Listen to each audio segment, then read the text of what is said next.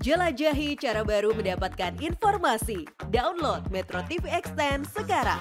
Sementara itu Menteri Koordinator Bidang Kemaritiman dan Investasi Luhut Binsar Panjaitan membeberkan tiga langkah mengatasi polusi udara di Jabodetabek yang sudah mengkhawatirkan.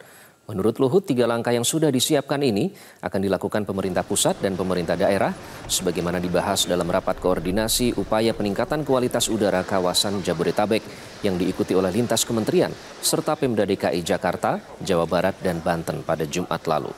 Luhut menambahkan untuk meningkatkan kualitas udara, pengendalian emisi harus berfokus pada tiga sektor, yakni transportasi, industri, dan pembangkitan listrik, serta lingkungan hidup. Pihaknya akan bergerak dari sektor hulu hingga hilir. Ia juga meminta partisipasi aktif dari masyarakat sebagai bagian dari upaya bersama mengatasi polusi udara.